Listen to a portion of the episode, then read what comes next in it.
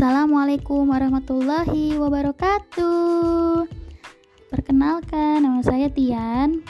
Saya sedang membidangi menekuni bidang literasi dan juga public speaking, di mana kita juga banyak menemukan motivasi-motivasi baru untuk pengembangan diri, upgrade diri, dan lebih eh, mengoptimalisasi bakat-bakat yang ada.